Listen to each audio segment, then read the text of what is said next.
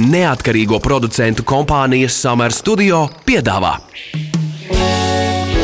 Ķepa uz sirds par viņiem, mūsu pašiem labākajiem draugiem. Raidījumu atbalsta Borisa un Ināras Teterevu fonds. Esiet sveicināti Latvijas radio pirmā kanāla klausītāji. Raidījums ķepa uz sirds atkal kopā ar jums. Mani sauc Magnus Eriņš. Mani sauc Inese Kreitsberga. Esiet sveicināti ķepa uz sirds klausītāji. Kucēnu bums turpinās. Cilvēki grib un pērk šķirnes dzīvnieku. Fakts jau pats par sevi nav slikts. Katram ir, protams, tiesības gribēt un dabūt to, ko vēlas, bet jautājums paliek, kā izdarīt pareizo izvēli un nenopirkt suni maisā. Nu jā, jo, ja tiek solīts īsts šķirnes suns pie tam par lielu naudu, kāpēc tik ļoti daudzi cilvēki tautas valodā runājot, nu, iegrābjas, tā mēs varam teikt. Varam gan.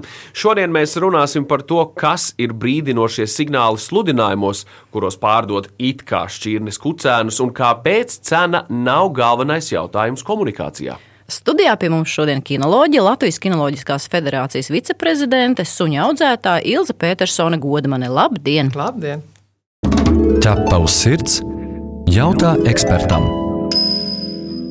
Bija tāda interesanta situācija. Mēs uzrunājām suņu saimniekus suņu mīļu grupās, lai atsaucās tie, kas pirkuši it kā šķirnes dzīvnieku, bet tas neizauga tāds kā solīts. Atsaucība bija ļoti liela līdz brīdim, kad par to bija jārunā publiski. Un redz, sanāk tā, ka cilvēkiem neskapēc ir kauns. Tātad viņi diezgan ātri sapratuši, ka īsti labi nav. Meklējot citās tēmās, mēs atradām vienu suņu saimnieci, kurš sveica priecīgi visus grupā ar savu kane korso suni, bet bildē bija redzams boksera jauktenis. Oh. Kad grupa par to sāka komentēt, komentēt, iesmiet, viņa šo postu izņēma. Tad sanāk tā, ka bieži cilvēki nemaz nezina, ka viņiem nav šķirnes suns, kamēr citi to nepasaka. Nu, es nezinu, vai viņi to nezina. Visdrīzāk, kad tā ilūzija sākotnēji noteikti rodas, ja cilvēks nu, nav īsti pārdomājis to ceļu, kā viņš grib nonākt līdz tam savam šķirnes kucēnam, šķirnes sunim. Uh, Jo, protams, kā jūs teicāt, ievadās cena šobrīd patiesībā pat vairs nav rādītājs. Ja agrāk, vēl nu, gadus trīs atpakaļ, es īpaši teiktu, pirms Covid laikā bija ļoti skaidri izteikta atšķirības starp šķirnes un augstas klases šķirnes suņu uh, cenām un uh, tādiem, kuriem a priori ir sajūta, ka tur kaut kas nav kārtībā, jo bija tiešām tāda kategorija 500 eiro un 1500 eiro. Tad uzreiz jau radās jautājums, kas ir šī atšķirība. Un cilvēki, nu, tie, kas gribēja iedziļināties un gribēja domāt par to, ko viņi plāno pirkt, sāka interesēties, no kurienes. Varbūt pat aizgāja līdz situācijai, ka saprata, ka ir vairāki klubi, ir vairākas federācijas, kas izsniedz dažādu veidu dokumentus. Un tad pie tā nonāca. Šobrīd, diemžēl, Covid laiks šo situāciju ļoti krasi izmainīja. Un tajā brīdī, kad pieprasījums un šis bums sākās tiešām ārkārtīgi liels, kad pirka jebko no jebkā un par jebkuru cenu. Diemžēl organizācijas vai šauru cilvēku izveidoti klubiņi, kuri arī izsniedz dokumentus, kuriem tas ir mūsu, kā saka, klubiņa dokuments, arī raksta savos sludinājumus dokumentus un nekautrējas par šādiem suņiem prasīt arī cenu, kas diemžēl ir ļoti pietuvināta tiešām organizāciju pārstāvētu šķirnes suņu teiksim, īpašniekiem, kuri tiešām ar gadu darbu, ar, ar izstādēm, ar veselības pārbaudēm un tā tālāk ir nopelnījuši šo cenu savam nu, teiksim, tā, pārdodamajam kucēnam tad eh, šī cena ir ļoti, ļoti izlīdzinājusies. Un, diemžēl šobrīd arī par 1000, 1200 eiro jūs droši varat nopirkt metisu, respektīvi jaukteni. Krancīti. Nu, uh, jā, nu, krancīti, kā kuram šis vārds mīļāks, bet vai arī suni, kura izcelsmes dokumenti, nu, tā, liek apšaubīt viņa tīršķirnīgumu. Par to mēs vēl nonāksim, bet īsāk sakot, tad, ja šis um, tirgus tāpat tika kropļots, tad Covid laiks to piebeidza vēl galīgi, Pilnīgi. un plus vēl nāca kucēni no Polijas, Baltkrievijas, Lietuvas. Tos mēs arī vēl taču liekam klāt. Jā.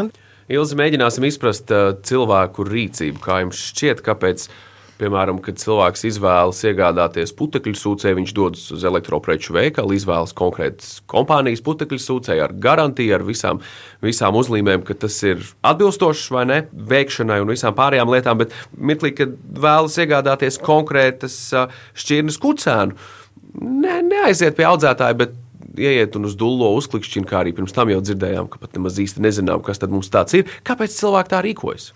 Es domāju, ka primāri nu, ir tādas vairākas lietas. Pirmkārt, diemžēl vēl joprojām ir tā situācija, ka cilvēki izvēlas kucēnu no tā, kas man vizuāli patīk. Nu, tā jau ir tā pirmā trauksmes poga, ja, ka tomēr, ja mēs saprotam, ka mēs vēlamies ievērot arī nu, augstu attīstītu sabiedrību, mēs vēlamies ievērot arī suņu intereses tad tomēr mums būtu jāizvēlas ne tikai tas, kas mums vizuāli patīk, bet tas, kas mums ir piemērots. Tā suņu šķirne, kas ir piemērota tieši mūsu dzīvesveidam, vai mēs esam mājās sēdētāji, vai mēs esam ļoti aktīvi dzīvesveidu piekritēji un tā tālāk. Tieši tik dažādas ir suņu šķirnes. Tātad pirmais jau tā izvēle nevienmēr tiek izdarīta pareizi. Otrs, protams, ir šis brīdis, kad mēs nonākam pie tā, nu, labi, mēs esam izvēlējušies, gribam tur bīglu vai franču buldogu vai jeb, jebkādu citu šķirni. Ejam. Un tad ir jautājums, kur mēs ejam. Vai mēs attaisam, mēs zinām, ka vienīgā vieta, kur tirgo tā masveidīgi kucēnus, ir SS sludinājuma portāls, vai mēs tomēr sākam rakt dziļāk. Nu, un tajā brīdī, ja cilvēks nu, aprobežojas ar šo ātrāko variantu SS, es domāju, tur viņš var apmaldīties pilnīgi noteikti un ļoti ātri. Pareizāk apmaldīties tajā sludinājuma piedāvājuma daudzumā, uh, kuros patiesībā šobrīd praktiski visos jau raksta to, ka visiem kucēni visi būs čipēti, vakcinēti ar pasi. Nu, cilvēks domā, o, vēl parasti arī visiem tiek solītas kluba kartiņas pret cilts, ko varēs kādreiz apmainīt pret ciltsrakstiem. Tā tad nu, izklausās ideāli. Kad izvēlamies jaunu telefonu, elektropreci vai ko citu, nu, mēs tomēr interesējamies par specifikāciju. Un arī šeit, eh, nu, Latvijā arī ir šī specifikācija arī dzīvniekiem. Ir ļoti svarīga, ka tomēr mēs izvēlamies suni no audzētāja vai no audzētavas, respektīvi no vietas, kur šis suns ir radies konkrēta cilts darba rezultātā. Nevis vienkārši, kad mājās esošs divu suņu īpašniekam ir ienākusi prātā doma, ka man tagad vajadzētu reizi dzīvē kucēnu. Tas bieži ienāk prātā. Tas bieži ienāk prātā Diemžēl. tieši tā. Attiecīgi, tāda radās šie kucēni, kurus tirgo kā tīršķirnes dzīvniekus, lai gan viņiem patiesībā nav ne dokumentu. Un pat ja viens no vecākiem ir kādā vienalga, kādā klubā, tas nenozīmē, ka tas ir tīršķirnes uh, suns. Nemaz nerunājot, ka visvienkāršākais būtu sākt ar šķirnes standartu. Jo katrai eh, suņu šķirnei un pasaulē to ir uh, ap 400, nu, tur tas cipars minimāli, bet mainās, ir savs standarts. Un vienkārši iegūlējot Google, kurā mēs visu vienmēr varam uzzināt, mēs varam uzzināt šķirnes standartu. Piemēram, uh, par tiem pašiem franču buldogiem, kur ir ska standartā skaidri rakstīts, ir konkrēti šķirnei piemērotas krāsas.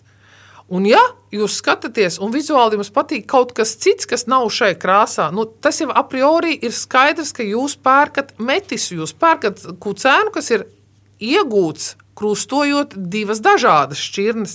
Jo tikai tā var, piemēram, franču buldogos ienest zilo krāsu, marmora krāsu, respektīvi mērli, šokolādes krāsu un tā tālāk. Tie nav tīri šķirnes dzīvnieki, nu, teiksim, tādā dokumentu izpratnē. Ķepa uz sirds, suņu būda.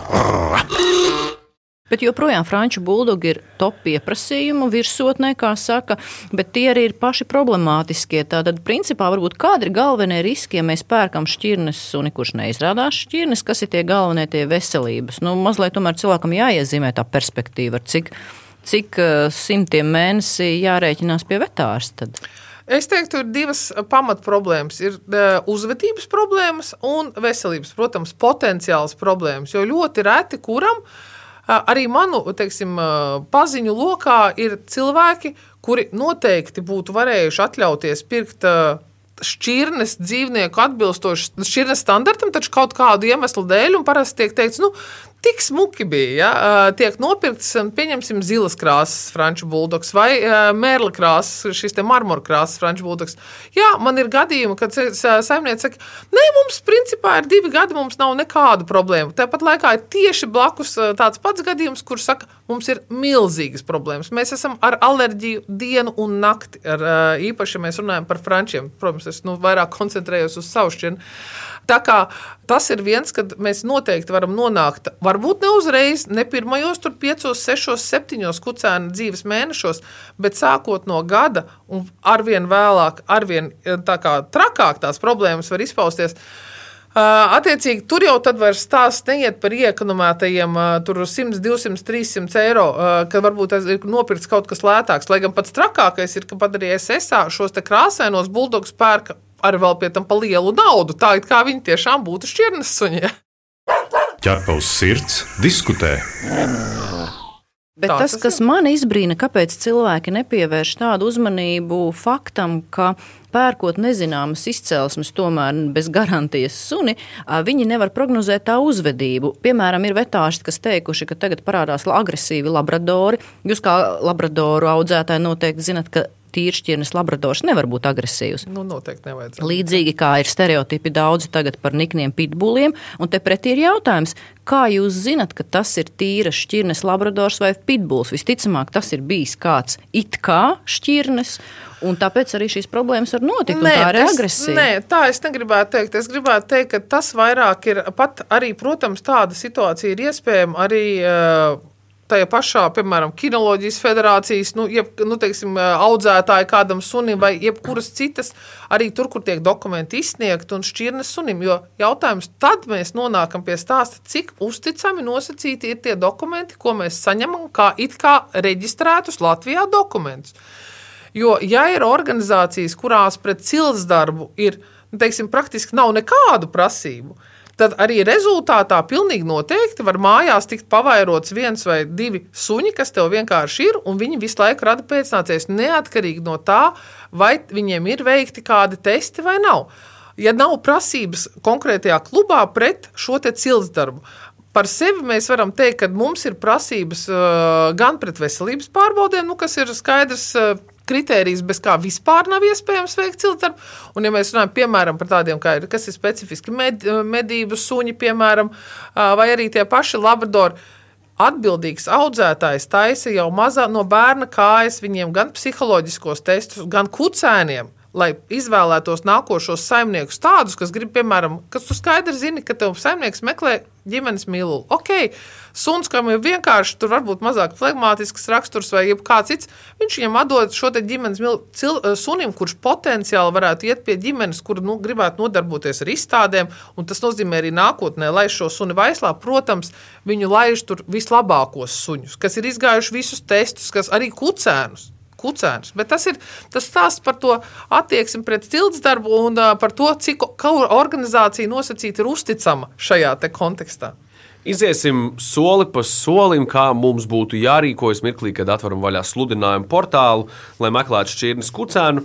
Vajadzētu saprast, kas ir jājautā šiem cilvēkiem, kas nodarbojas ar tirgošanu, lai saprastu, pretī ir starptautiski certificēts audzētājs vai pavairotājs vai tomēr krāpnieks.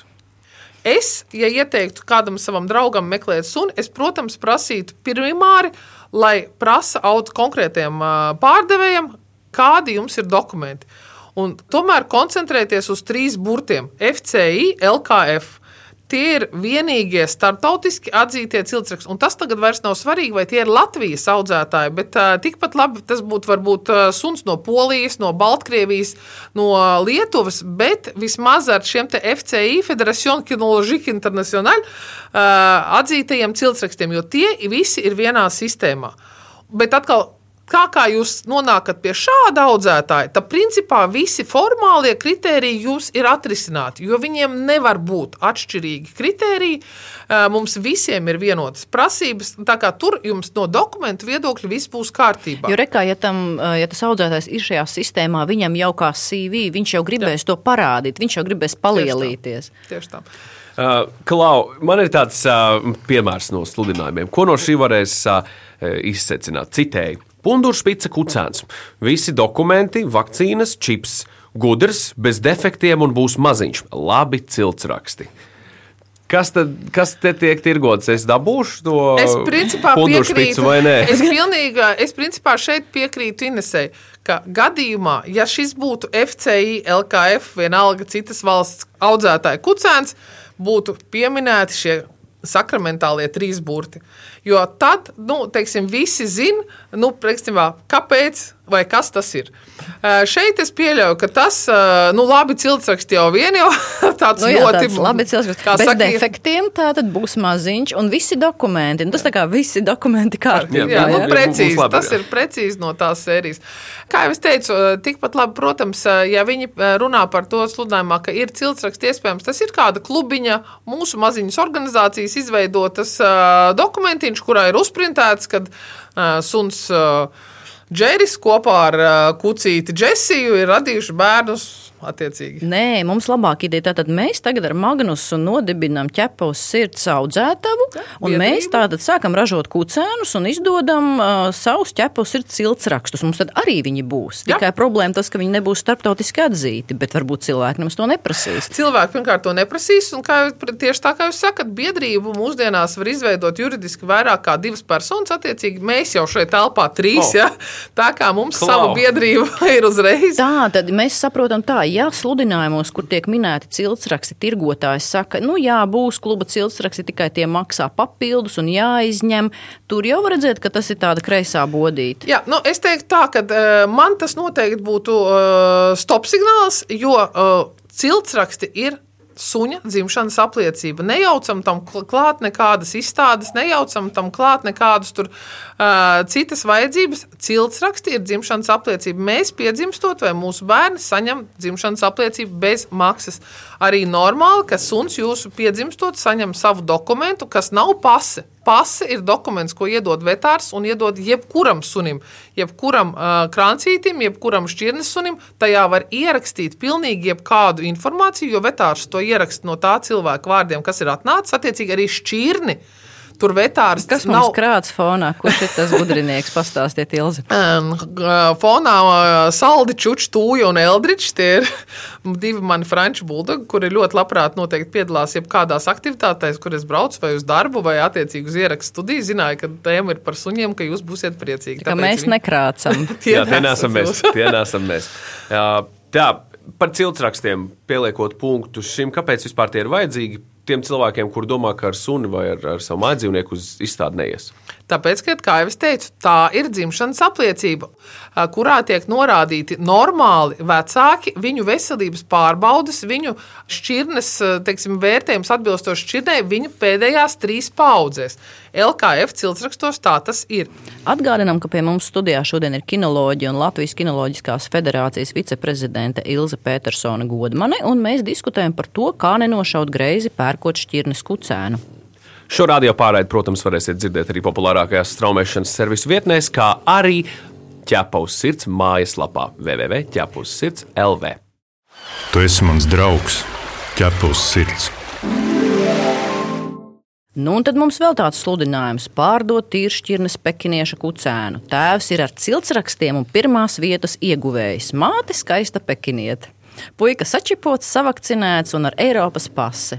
Nu, kā te ar to šķirnīgumu būs? Varētu padomāt tā, ka, nu, ja jau tēvs bija ar ciltsrakstiem, bet māte vienkārši skaista, tad jau sanāk, kad ir šķirnes kucēns. Ar ko viņš nav? Tad ir, tad ir skaisti ciltsraksti. Nē, nu tad ir puika, tas skaists. jā. Skaists. Es pieļauju, ka varbūt ir skaists kucēns. Droši vien tas būtu tas pirmais, kas ir. eh, Nu, nav nekur izslēgts, bet nu, ir skaidrs, ka dokuments šim sunim nekad nebūs vairāk. Nu, par pasi viņš nevar neko saņemt. Tāpēc, ka uh, pat ja mēs skatāmies uz organizācijām, kurām prasības pret ciltsdarbu nav īpaši stingras, vienalga dokumentu nedod ciltsrakstu situācijā, ja tikai vienam no vecākiem ir šie te, nu, primārie dokumenti. Tā kā no dokumentu viedokļa jūs nevarēsiet teikt, ka jums ir pekīnietis. Nu, lūk, un tad tiek piedāvāti grifona kucēni. E, Uz jautājumu par, par papīriem vai, vai kādu izcelsmi ir atbildēts tā, ka māte tika atzīta par labu bērniem. Ko tas reāli nozīmē? Vai tur varētu būt gēnu tests, nu tas jau diez vai, vai vienkārši gājiens pie vetāša ar viedokli, kucītē vienreiz jādzemdē. Droši vien, ka otrais. Es teiktu, ka noteikti otrais, jo, jo nu, nav, nu, tas ir tīri tāda makaronu. Bet labs, ma- makaroni bet labs makarons, ja māte tika atzīta par labu bērniem, un cilvēkiem uzreiz rodās nu, tāds priekšstats, ka tas būs labs suns un vesels. Nē, nē, nu, protams, es, kā jūs pareizi teicāt arī iepriekš, ka mārketingam ir milzīga nozīme. Arī uh, gan gan krancīšu, gan apzināti suņu bez dokumentiem, gan kontrabandas suņu, gan vis visādu šādu veidu kucēnu pavairotāja pamatā vienmēr ir ar diezgan labām komunikācijas spējām. Daudz var stāstīt, runāt, pārliecināt, un cilvēks tajā brīdī, es to varu teikt pēc savas pieredzes, kad viņš ir atbraucis pie kucēniem, pat pie manis, kad mēs jau esam, kā es smējos, veikuši pirmo skrīningu intervijas pa telefonu, kamēr tu vēl neredzi suņus. Tajā brīdī, kad viņš ir atbraucis pie sunīšiem, un mēs it kā turpinām runāt un pārunāt šos svarīgos jautājumus. Ja pēc tam mēs nu, turpinām mūsu attiecības un sadarbību, es zinu, ka viņi atcerās no mūsu sarunas apmēram 30%, jo viņi ir visi kucēnos. Bet, nu, vēl tad noslēgumā, skatoties tur pētot tos sludinājumus, nu, mēs arī mēģinājām saprast, ka tomēr precīzi jautājumi par vecāku veselības pārbaudēm izsit no līdzsvaru tos pavairotājus, jo tādiem jautājumiem viņi parasti nav gatavi. Un, kad jautā, kā ir pārbaudīta veselība suņa vecākiem, kucēnu vecākiem, viņi tad saka, ai, viņi vispār kaimiņam palīdz tirgot, un viņi īsti nezina. Tā kā īstenībā viens no jautājumiem, ko prasīt, tas ir veselības pārbaudas. Veselības pārbaudas noteikti, jo certificēta audzētavā jums uzreiz būs gatavi uzrādīt attiecīgajā šķirnē nepieciešamās pārbaudas, jo dažreiz tiek jaukti arī šajā komunikācijā, vai kucēniem ir veiktas veselības pārbaudas. Kucēniem neveic šāda veida veselības pārbaudas, ko veic vecākiem, kas ir patēlas, kas ir, kas ir displāzijas, kas ir sirds pārbaudas un tā tālāk, jo kucā, tam ir jāsasniedz noteikts vecums, un tāpēc šīs pārbaudas tiek veikts vecākiem. Tādēļ stāsti par to, ka kucēniem kaut kas ir veikts, ir vispār pilnīgs absurds un meli. Ja?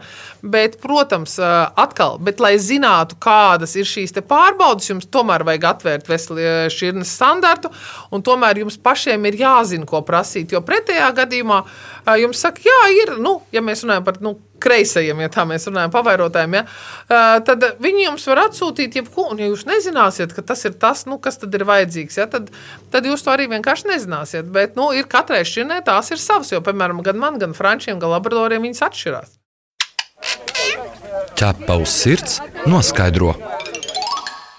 Tagad iedomāsimies uh, klientu, potenciālo klientu, kurš nu, tūlīt nokļūs drāmīgā situācijā, jo viņš ir uzķēries uz viltīgā mārketinga, komunikācijas prasmes no kreisajiem pavairotājiem ir bijušas leģendāras un ģeniālas. Un viņš, viņš aizbrauc uz benzīna tanku vai pie lielveikala. Tādā situācijā, ko mēs visi varam ieteikt, uzreiz griezieties riņķī un nepērciet to suni, jo pastāv milzīga iespējamība, ka jūs iegādāsieties nu, brāķi suni, ja tā var teikt.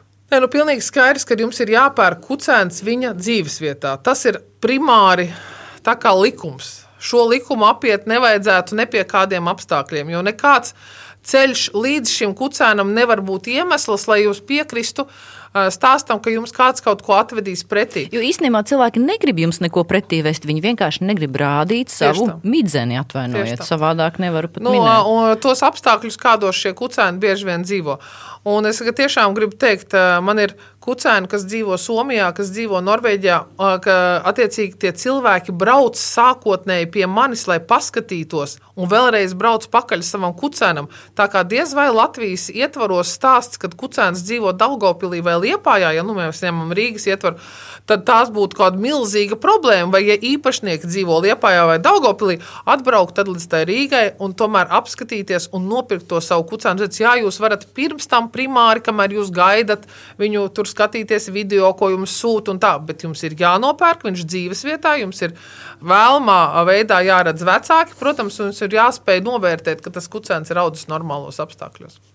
Runājot par kucēniem un to vecumu, ja, piemēram, sludinājumā mēs redzam, ka kucēns tiek tirgots četru mēnešu vecumā Latvijā, tas ir kārtībā, tas ir labi, vai tomēr mums jāmēģina tiekties uz ko citu? Nē, es tam neredzu nekādas problēmas, jo vecums noteikti nav tādā ziņā izšķirīgs, ka mums pa visu var vajag dabūt kucēnus ārā no mājas, no audzētavas 8, 9 nedēļu vecumā.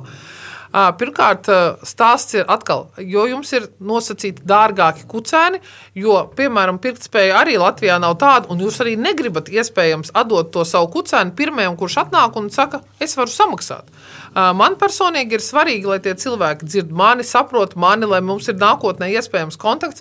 Un es noteikti neteikšu, ka nauda ir pamatkritērijs. Bet kur tad ir otrs arguments, ka pēc laba kucēna ir jāgaida ilgi, vēl jāstāv rindā, un dažkārt viņi tiek rezervēti vēl pirms dzimšanas. Un, ja es redzu, ka kādam audzētājam ir četrus mēnešus vecs kucēns, es redzu, ka ļoti daudz no socializācijas ir jau nokavēts, un tad jau viss atkarīgs, cik tas audzētājs socializē Jā, to tieši dzīvnieku. tā, tāpēc es negribētu atkal to visu salikt kopā, jo, ja jūs eh, stāstu, atgriežamies, ja jūs viņu meklējat un pērkat audzētavā, kas ir FCI, jums nav jābaidās ne no četriem, ne no sešiem mēnešiem. Es jau, piemēram, varu teikt, stāstīt par vienu konkrētu savu burtiski pagājušā gada piemēru. Man bija kucīte, es atstāju viņu tā kā audzētavā ar domu, ka es viņu paturēšu nākotnē sev, gājām uz izstādēm, bet es sapratu, ka tas suns ne, nevēlas to. Tas nav viņa. Mēs daudz ko darījām, mēs strādājām, un beigās, deviņu mēnešu vecumā, es viņu pilnīgi noteikti pārdevu ļoti jaukai ģimenei, kur arī meklēja kucēnu, jo viņa arī līdz gada vecumam ir kucēns, kura meklēja sev kucēnu, kurš, kurām nav jā, jāslauka grīdas, kurš nečurā un nekakā vairs grib, bet viņi jau grib pusaudzi. Vispār man ļoti patīk pieeja, ka atbildīgs audzētājs, ka viņš faktiski izvēlas saviem kucēniem piemērotus saimniekus. Ka potenciālajam saimniekam jābūt atbilstošam sunim, ne otrādi. Nu, man tas ir, nu, man personīgi tas ir viens no galvenajiem kritērijiem, es jau smējos, ka parasti mums tās pirmās sarunas ir tādas, nu, vairāk tāda inkvizīcija, ja, kur jūs dzīvojat, kāds jums stāvs, vai jums ir lifts, kāds jums mājās grīdas segums, ja, un tā tālāk. Un tie cilvēki domā, kāpēc viņi to prasa? Ja? Nu, es taču apmēram no serijas, es taču esmu gatavs samaksāt. Ja? Uh, bet, nu, tad jau beigās, beigās atrodam to kopējo valodu. Bet es domāju, ka lielā daļā gadījumu no FCI audzētāji tāda arī ir. Un, uh, mums tiešām ir svarīgi, lai mūsu kucēns nonāk ģimenē, kurā saprot, kā viņš ir jāaudzina, konkrēti atbilstoši šķirnei, un lai pēc tam nav stāsti, ka mēs nesagaidījām to, ko mēs gribējām, tagad mēs viņu atdodam patversmē, metam ārā, viņš aiziet kaut kur par rokām un tā tālāk. Jo man jau ir svarīgi, lai viņš nodzīvo visu mūžu pie tās ģimenes, kur tiešām ir izvēlējusies sev atbilstošu suni. Un man dažreiz ir bijis, ka atnāk pēc uh, franču buldoga, nedrīzāk otrādi, ka atnāk pēc labradoru, un es viņus pilnīgi noteikti atrunāju no labradoru, jo viņiem nav vajadzīgs, nu tā ģimene pēc saviem kritērijiem, nu viņiem nav vajadzīgs labradors. Un drīzāk viņiem vajadzīgs ir franču buldogs, ja, bet varbūt viņam kāda cita šķirne patīk vairāk, bet ne labradors. Tāpēc, ka viņi nav gatavi tam sunim veltīt nepieciešamo laiku, un pilnīgi noteikti viņi būs sarūktināti un neapmierināti, ja viņi viņu nopirks un nedarot to, kas viņam ir jādara. uh, Nu, tas kucēns beigās visi būs nelaimīgi. Pieliekot uh, punktu mūsu sarunai, Ilze, es aicinātu jūs mums izstāstīt, kā tomēr vislabāk meklēt savu potenciālo nākamo māju dzīvnieku, vērsties starptautiski atzītos klubos, varbūt meklēt šķirnes ekspertu. Un, jā, laikam jau jāpaturprātā tas, nu, ka tāpat kucēns beig beigās ir nu, neliela laimes spēle un loterija. Protams, tas beigu, beigu rezultāts uh, ir laimes, mazliet laimes spēle un loterija, bet, ja jūs daudz ieguldat tajā sākuma darbā, un ja jūs tiešām paveicat ar audzētāju, kurš ir gatavs ar jums komunicēt arī tā kucēna augšanas laikā, es domāju, tas ir, tas ir milzīgs bonus. Uh, bet, nu, īsumā es teiktu, uh, ja mans draugs man prasītu, Tad es, protams, teiktu, izvēlieties pareizi sev piemērotu šķirni. Punkts viens. Izlasiet šķirnes standartu, saprotiet, kāpēc tā šķirne, kam ir domāta, vai viņa ir piemērota jūsu ģimenei. Tātad, kad viņš ir izvēlējies sev atbilstošo ģimenei, atbilstošu šķirni, tad pamatā es ieteiktu meklēt specializēto šķirnes klubu, kurā tad attiecīgi jums arī tiks atrasts un ieteikts audzētājs, kuram tuvākajā laikā plānojas vai nu, ir vai plānojas kucēni. Un, protams, ja atgriežamies pie tā, kas tad ir FCI vai LKF klubi, jo tie arī ir šķirnes klubi vai arī reģionālie klubi. Bieži vien jūsu lielākajās pilsētās Latvijā ir pieci lielie reģionālie klubi - Liepājas, Ventspils, Daugaupils, Valmieras, nu un Rīgā, protams, ir ļoti daudz šķirnes klubi, kuros jūs šo informāciju varat atrast. Un tad jums jau klubu vadītājs vai klubu cilvēks noteikti novadīs pie tā audzētāja vai eh, kam plānojas vai kam ir mazuļi. Un tas ir visdrošākais ceļš. Nu jā, un noslēgumā, ko var pateikt, nu, kad jābūt ir pacietīgam, nepieņemt šo lēmumu mirkli iespaidā, jo, manuprāt, ļoti daudzi cilvēki nošauja greizi ar to, ka viņi negrib gaidīt uz kucēnu, un viņi tajā brīdī šeit un tagad paņem kaut ko, kas ir pieejams, bet tā darīt nevajag. Tā darīt nevajag, un tā ne- nevienmēr noteikti var atrast to īsto un labāko. Paldies jums, Ilze, ka atradāt laiku un bijāt pie mums šeit raidījumā ķepa uz sirds. Es ticu, ka tiksimies vēl. Visu labu! Pie mums šodien studijā viesojās Ilze Petersone, godmane, kinoloģija, suņu audzētāja un Latvijas Kinoloģiskās federācijas viceprezidente, kā arī līdzās viņai bija Eldričs un Tūja. Divi skaisti franču buldogi. Visur kopā - ķepus sirds. Bet mēs atgādinām, ka ķepus sirds TV raidījumam varat sekot līdzi katru sestdienu, pulkstens 11.15 un atkārtojumās svētdien LTV1. Mēs arī gaidām jūsu jautājumus, ierosinājumus un arī idejas sižetiem. Rakstiet mums uz info atķepa uz sirds LV.